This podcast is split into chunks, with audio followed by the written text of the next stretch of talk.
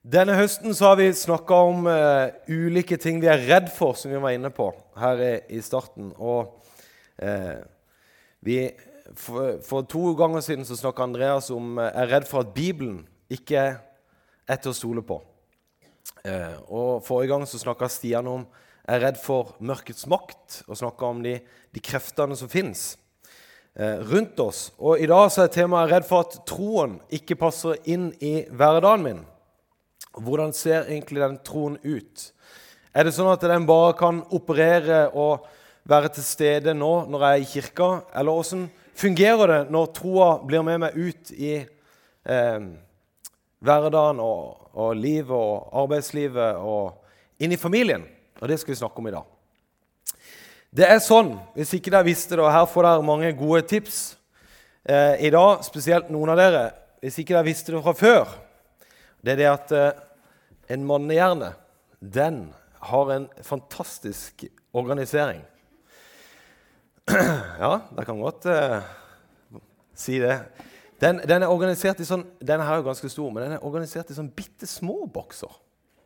Bitte, bitte små bokser inni i eh, hodet til en mann. Og den ene boksen den heter eh, økonomi.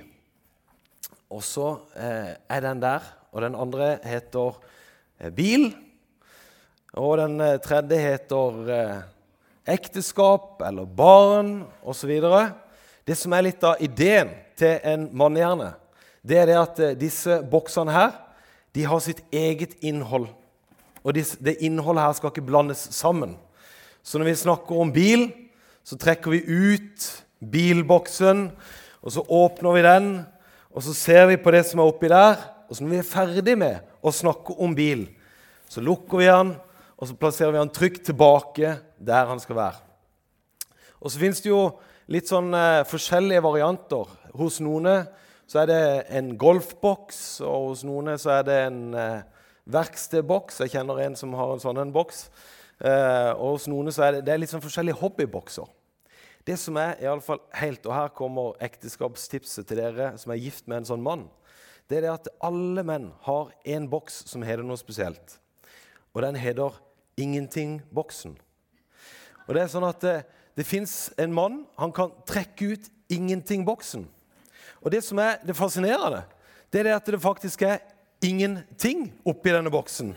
Så når du åpner den, så, så er det ingenting. Og det er jo litt vanskelig å forstå for uh, noen andre. Og Derfor tenker de skal det ikke være noe inni denne boksen her. Og her kommer det det gode ekteskapstipset. Ikke prøv å fylle ingenting-boksen. For poenget er at det skal være ingenting i den boksen. Så det var mannehjernen. Damehjernen, den er Ja, det har jeg ikke peiling på.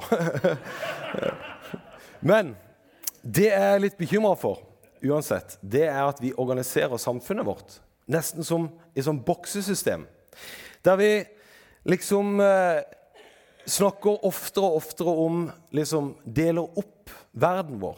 Vi deler opp verden vår i privatliv, vi deler opp verden i eh, det, det, offentlige livet. Og på sosiale medier så er det også en inndeling der. Det er ikke helt likt. Du kan ha eh, din Instagram-profil eller din Snap-profil eller din Facebook-profil, og alt skal se ulikt ut. På Snap kan du sende et uh, trøtt morgentryne, men på Insta så skal det være filter og pose, og skal være, liksom, du skal vise den beste sida dem. Uh, og så er det liksom spørsmål om, om hvor mye liksom, oppdeling det skal være. En uh, nordlending, en, en, gammel vits, som, uh, som hadde oppdelt livet sitt da han fikk spørsmål om hvor mange barn han hadde. Jeg har to med kjerringa og en privat. Og så er det liksom sånn Hvordan deler vi opp eh, livet vårt? Og, og, skal det være sånn at de, de liksom ikke henger sammen? Og spørsmålet er om vi er, er i ferd med å lage et sånn et minischizofrent samfunn der du på en måte nesten går ut av en person og blir en annen. Ole er sånn på jobb, men så er han sånn hjemme. Eh, og så blir jo spørsmålet om dette er det lurt. Og ikke minst tjener de menneskene som lever rundt deg, på at du deler opp verden sånn? Eller tjener du på det? Tjener dine venner, tjener samfunnet på det?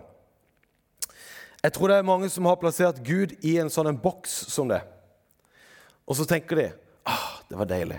Nå fikk jeg plassert han der. Og så er det akkurat som om eh, en bare holder han der, og så sier han ikke rør familien min, Gud. Den boksen der.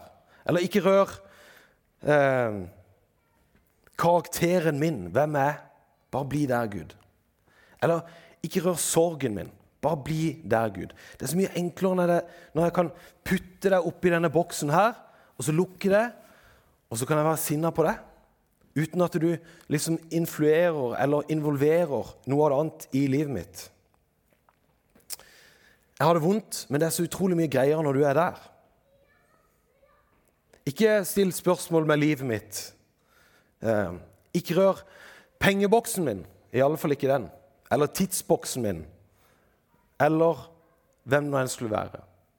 Og så kan jeg ta deg fram, pakke deg fint fram på søndagen.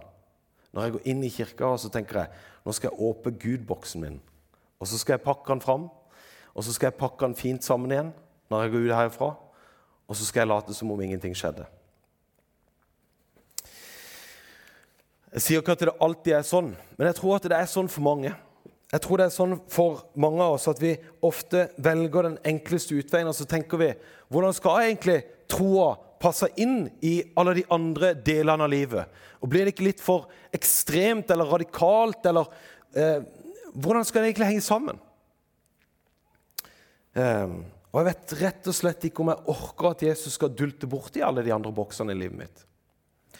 Vi skal lese en tekst fra eh, Markus, hvor det er en som kommer hen til Jesus og nettopp har noen spørsmål om dette. Da Jesus skulle dra videre, kom en mann løpende, falt på kne for han og spurte, 'Gode mester, hva skal jeg gjøre for å arve det evige liv?' Et relevant spørsmål. Et godt spørsmål. Men Jesus sa til han, 'Hvorfor kaller du meg god?' Det er Markus 10, 17 og videre. Ingen er god unntatt én, og det er Gud. Du kjenner budene. Du skal ikke slå i hjel, du skal ikke bryte ekteskapet, du skal ikke stjele, du skal ikke vitne falskt, du skal ikke bedra noen. Du skal hedre din far og din mor. Og så svarte han, Mester, alt dette har jeg holdt fra da jeg var ung. Jesus så på han og fikk han kjær og sa, Men én ting mangler du. Gå bort og selg alt du eier og gi det til de fattige. Da skal du få en skatt i himmelen. Kom så og følg meg. Og så står det her Men han ble nedslått over dette svaret og gikk bedrøvet bort. Hører dere han? Han kommer liksom til Jesus, han faller ned på kne for han. Det, det må jo ha vært litt av en scene. En fyr. Hva skal jeg gjøre for å arve det evige liv? Og så, når Jesus begynner å prate, så ser du bare smilet på mannen vokser. Tenker Jeg har det. Jeg har det. Alt sammen.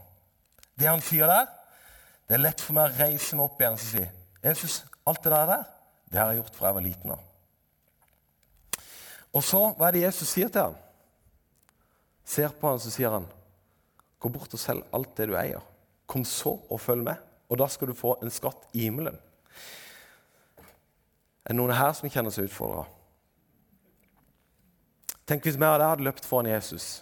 Vi sto der liksom i vår selvrettferdighet og sier Se her, Jesus! Alt har jeg gjort fra jeg var liten. Og så finner han en liten boks i livet mitt som er da pengeboksen. Og så Søren òg, da! Hvorfor skulle han rote til den? Var det ikke det jeg egentlig tenkte? det? At Jesus nå du bare være der, i den boksen? Og så slippe å rote til alt sammen her. Og så er det nettopp sånn at nå har du to valg. Og jeg, jeg tror at mange av dere har valgt nesten begge alternativene. Det ene er akkurat nå så skal jeg sette du som står der oppe, på mute.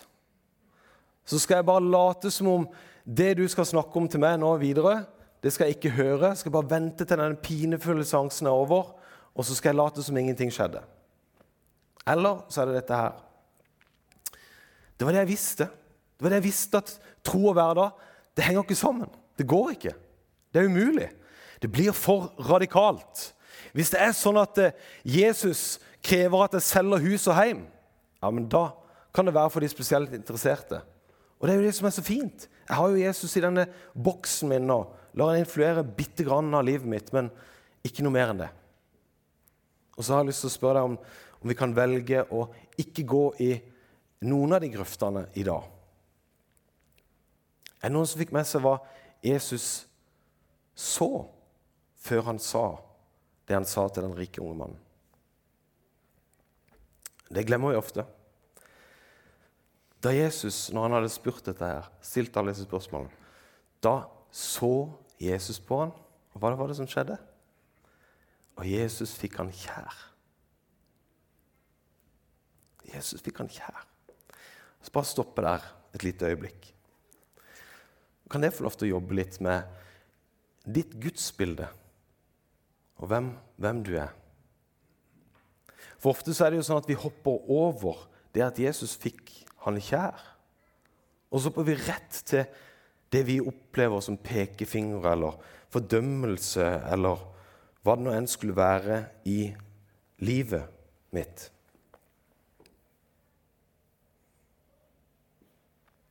Jesus, han er jo kommet. Han er jo ikke kommet for å ta det. Han er jo ikke etter å pirke eller fordømme eller eh, rote ting. Eh, begrense dine muligheter. Frarøve din frihet. Gi deg mindre albuerom og pirke i detaljer og grave etter svakhetene. Det er ikke derfor Jesus kom. Jesus kom, og det er jo nettopp det stikk motsatte. Jesus kom for å si deg, gi deg liv. Liv i overflod. Det var derfor Jesus kom. Det vi snakka om forrige gang, om mørkets makt, det handler om begrensninger. Det handler om å pirke borti detaljer. Det handler om å ødelegge identiteten din og selvbildet ditt og hvem du er. Mens Jesus, hver gang han ser på deg, så får han deg kjær.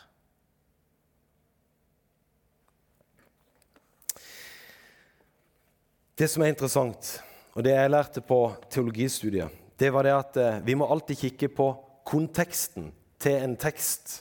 Det er ikke sånn at eh, alle disse bibeltekstene er plassert tilfeldig, på samme måte som en vanlig forfatter når han skriver ei bok, tenker på hva som kommer før den ene historien, så tenkte også Bibelens evangelister på hvordan oppbygginga av evangeliet, det de skrev, skulle være. Hvilken tekst er det vi har før den rike unge mannen? Det er jo ingen som vet det sånn helt ut av seg sjøl. Men det er teksten som vi har lest tidligere i dag. Og det var denne her. De bar små barn til Jesus for at han skulle røre ved dem. Men disiplene, de viste ham bort. Da Jesus så det, da ble han sint. Og så sa han, 'La de små barn komme til meg, og hindre det ikke.' For Guds rike hører slike til som den. Og så sier han, og det er jo det her vi må få med oss Sannelig sier der, den som ikke tar imot Guds rike slik som et lite barn, skal ikke komme inn i det. Og han tok den inn til seg, la hendene på dem og velsignet dem. Er det noen av oss som tenker at Jesus hadde behov for å irettesette eller ta barna? Det er jo ikke det. Og så er det veldig rart at vi, vi tenker det når en blir voksen. Og Kanskje handler dette om så vanvittig mye mer enn bare økonomi og penger. For det Jesus egentlig inviterer Nå blir han kalt i overskriften 'den rike unge mannen' til. Det er jo ikke først og fremst bare dette med økonomien. Men Jesus sier, 'Vet du hva? Hør her, min venn. Kan vi gjøre en deal?' Det er det at alle disse boksene dine som du har lagd jeg har, lyst, jeg har lyst til å bli pakka ut av denne boksen, sier Jesus til han. Og så sier han så vil jeg bli en del av deg. Alt det du er, og hvem du er. Ikke bare være plassert i en boks for meg sjøl. Det er derfor Jesus fikk han kjær. Fordi at han ser jeg har lyst til å være en del av hele ditt liv. Jeg har lyst til å, å være i din, di, din venn. En som elsker deg for den du er, og en som ser deg for den du er. Han vil snakke med deg. Det er noen av oss som har sett disse blodfattige bildene av Jesus. Og, og når jeg mener blodfattige, så mener jeg det faktisk bokstavelig. Jesus er et likbleik i ansiktet og står i en eller annen sånn positur eller hva det nå enn skulle være. Og så har vi et sånt bilde av Jesus som egentlig henger på veggen der, og han er død. Han lever ikke. Han er bare til stede der. Men Jesus, han lever. Han har ikke lyst til å bare stå passivt på sida av livet ditt og være en sånn blodfattig figur som du bare av og til tar fram og så børster støv av. Han lever. Og Saken er det at du greier ikke å holde noe levende oppi en boks. Og du skal heller ikke gjøre det. Så hva er det vi ikke skal gjøre i møte med Jesus? Og hva kan vi lære av barna i måten de møter Jesus? Barn det er iallfall én ting de ikke er, og det er selvrettferdige. Jeg har aldri til den da Jeg er helt konge, jeg er den beste i verden, og jeg er digg, og jeg er rå, og jeg kan alt, og jeg er den beste. Eller et barn klarer ikke heller å holde boksene atskilt. Det er sjelden et barn sier liksom du, mamma, nå, akkurat nå snakker vi om bil, og så etterpå så tar vi det med pupp. Men akkurat nå er det bil. Eh, det er jo ingen barn som gjør det. Barn har heller ikke liksom kjøpt denne ideen, som faktisk vi ligger i verdenstoppen av å ha kjøpt. Og det er det at eh, Tro og vitenskap det går ikke an å, å henge sammen. Det, det, de, de, aller fleste av oss har kjøpt den ideen om at tro og vitenskap ikke går sammen. Resten av verden har ikke gjort det. Men det er utrolig mange som når de kommer på universitet eller studiet, så tenker de nei, det går ikke. Gud kan ikke henge sammen med dette. Jo, det kan han. Tro og vitenskap kan henge sammen. Og Den der undringa som barn har, for det er jo det det handler om Å undre seg og se hva er dette perspektivet og Gud, Barn klarer heller ikke å sette Gud i en boks. Hvis du kikker ned i noen øyer til noen barn, så ser du at Gud er mystisk. Han er hellig. Han er rettferdig. Det er nåde. Han er skaper alt liv. Det er noe som vi alle vet den gangen vi står der og holder et nyfødt barn i armene for første gang. Det er en sånn slags Er dette bare en tilfeldighet? Det er jo ikke det. Det er en, bevisst handling og en skaper som står bak. Så vi kan kikke inn i det, de øynene der og se mer av hvem Gud er. Så hva skal vi gjøre? Hvordan skal troen på en måte henge sammen med resten av hverdagen vår og livet vårt? Hva er det vi, er det vi bør gjøre? Jo, det aller første som jeg tror at vi, vi alle sammen må gjøre, det er det at vi må jobbe med hvordan vi ser på Gud. Og Kanskje du skal ta med deg hjem denne ene øvelsen her. Lese denne teksten en gang til, og så skal du se at Jesus ser på deg, og så får han deg kjær. Og Kanskje det er det første stoppestedet du må gå til. Det er å se at Jesus faktisk har deg kjær. At han ikke er kommet for å drepe, stjele, myrde og ødelegge. Nei, det er en annen som er kommet for å gjøre. Han er kommet for å gi deg liv og overflod. Det er det Jesus er kommet for å gi deg, og ingenting annet. Og Kanskje du skal stoppe der og bare se inn i hvem er Gud? Og kanskje etter hvert når du har sett at han har deg kjær, så skal du tørre å åpne litt mer. Hvem er Gud? Denne vanvittige, veldige, mektige størrelsen som er helt umulig å putte inn i en boks. For hvem er Gud når vi snakker om han i Bibelen? Jo, han er hellig. Han er rettferdig. Han er nådig. Han er dommer. Han er sann. Gud er så vanvittig mye større enn det vi i vår sekulære verden av og til prøver oss å putte han inn i. Jeg fikk just høre et uh, sitat av C.S. Lewis på en podkast uh, en, en, som heter Timothy Keller. Og han, han sier dette, han avslutter med dette sitatet til C.S. Lewis. Det er på engelsk, så du, skal, du får følge med. An impersonal God, well and good. A subjective God of beauty, truth and goodness, inside our own heads, better still. A formless life force surging through us, a vast power which we can tap, best of all. But God Himself, alive, pulling at the other end of the cord, perhaps approaching in infinite speed the hunter, the king, the husband. That's quite another matter. Det er et eller annet der. Den levende Gud. Det er helt annerledes. Som gjør at vi er nødt til å bøye kne og si Gud, du er større. Du er mer.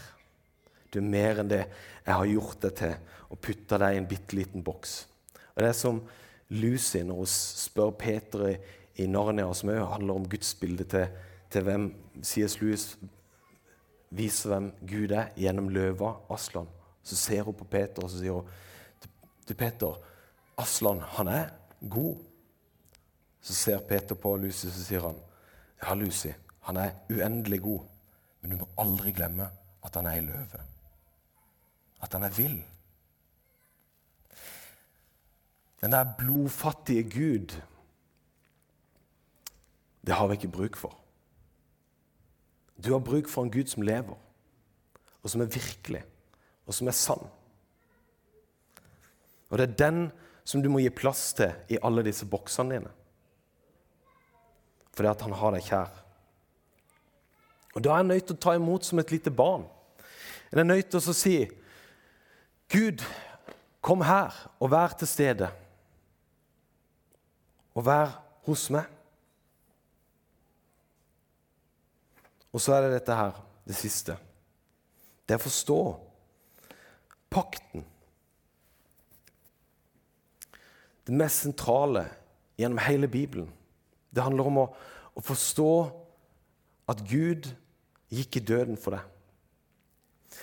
Det faktisk så finnes det, det ingen skygge, ingen synd, ingen avkrok i dette rommet, på Hånes, i verden, som ikke Jesus bar med seg opp på korset.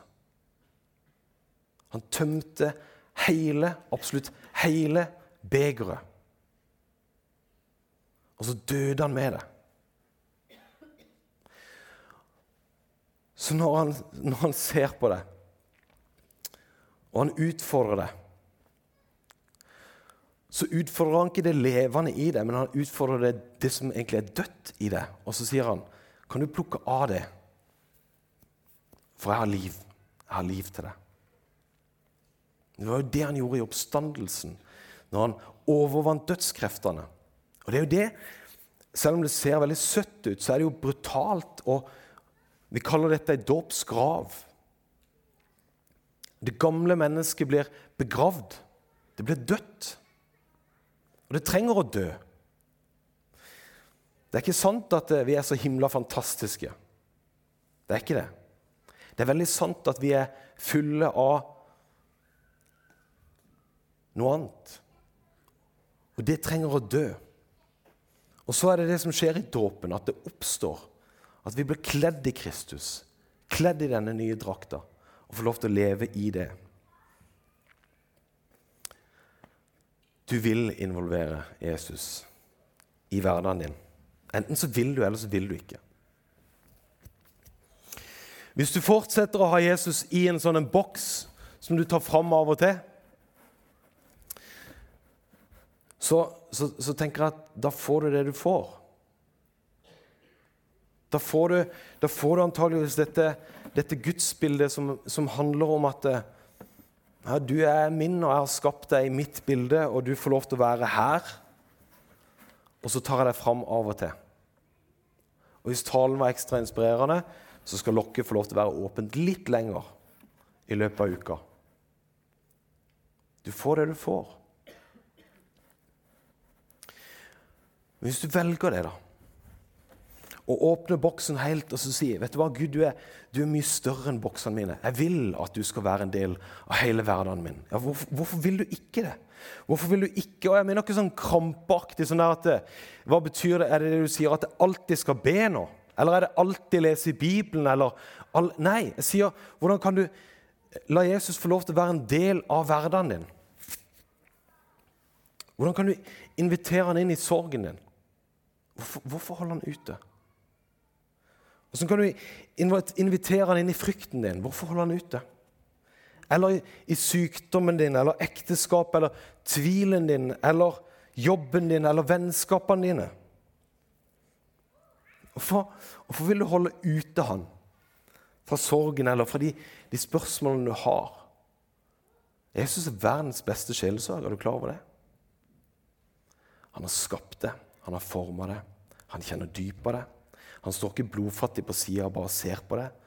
Han vil lytte til det, han vil snakke med det. Han vil det nå. Han lever. Når det er vanskelig å oppdra barn, skal vi bare kutte ut Jesus der? Eller skal vi invitere han inn der? Han som, han som har skapt barnet, forma det. Han som kjenner utgang og inngang, som vi ber. Og så har han, han bestemt plan. Du, kommer aldri til å finne ut planen og retning og meninger til ditt barn hvis ikke du ber din himmelske far om hva er det Selvfølgelig skal vi invitere han inn i det. Eller skal vi ta Jesus bare ut av ekteskapet? For det er så vanskelig. Han som er liksom kjerna av Gud, Far, Sønn og Hellig Ånd. Som lever og som er pakt, trofasthet. Vil du ikke lære av han? Vil du ikke få innspill fra han? Vil du ikke få hans velsignelse over livet ditt, over ditt forhold og ditt ekteskap? Eller ta Jesus ut av sykdommen din. Det er ikke sikkert du blir helbreda. Det, det, er ikke sikkert at du alltid blir frisk. Men hvorfor ta han ut? Hvorfor ikke ha en å be til? En å rope ut de vonde tingene du har? smerten du har, vanskelige spørsmål du har? Skal du ta ut Jesus av tvilen din? Hvorfor det? Han som er verdens beste lytter, det er kanskje mange av det. Han som kan, han som kan lytte og lytte og høre og høre på alle spørsmålene dine, på all tvilen din. Blir han redd? Nei, da kjenner du ikke Gud. Blir han overraska? Nei, visst gjør han ikke vel. Han tør å være der. Uten fordømmelse eller frykt. I dag så inviterer Jesus deg. Kan dere som er lovsangsteam, komme opp? Med sine sårmerka hender. Og så sier han, 'Se her, jeg gjorde alt ferdig for deg.' Alt. Det fins ikke en eneste liten avkrok eller skygge av livet ditt som jeg ikke har tatt på meg. Det fins ingenting i livet ditt som jeg ikke vil være en del av og som jeg vil komme og være en del av. Jeg kommer her for å lede deg. Jeg kommer her for å være din frelser. Jeg kommer her for å være din venn. Jeg har deg kjær. Og Det er jo det vi inviteres til i dag. Den levende Gud skal få lov til å berøre livet ditt.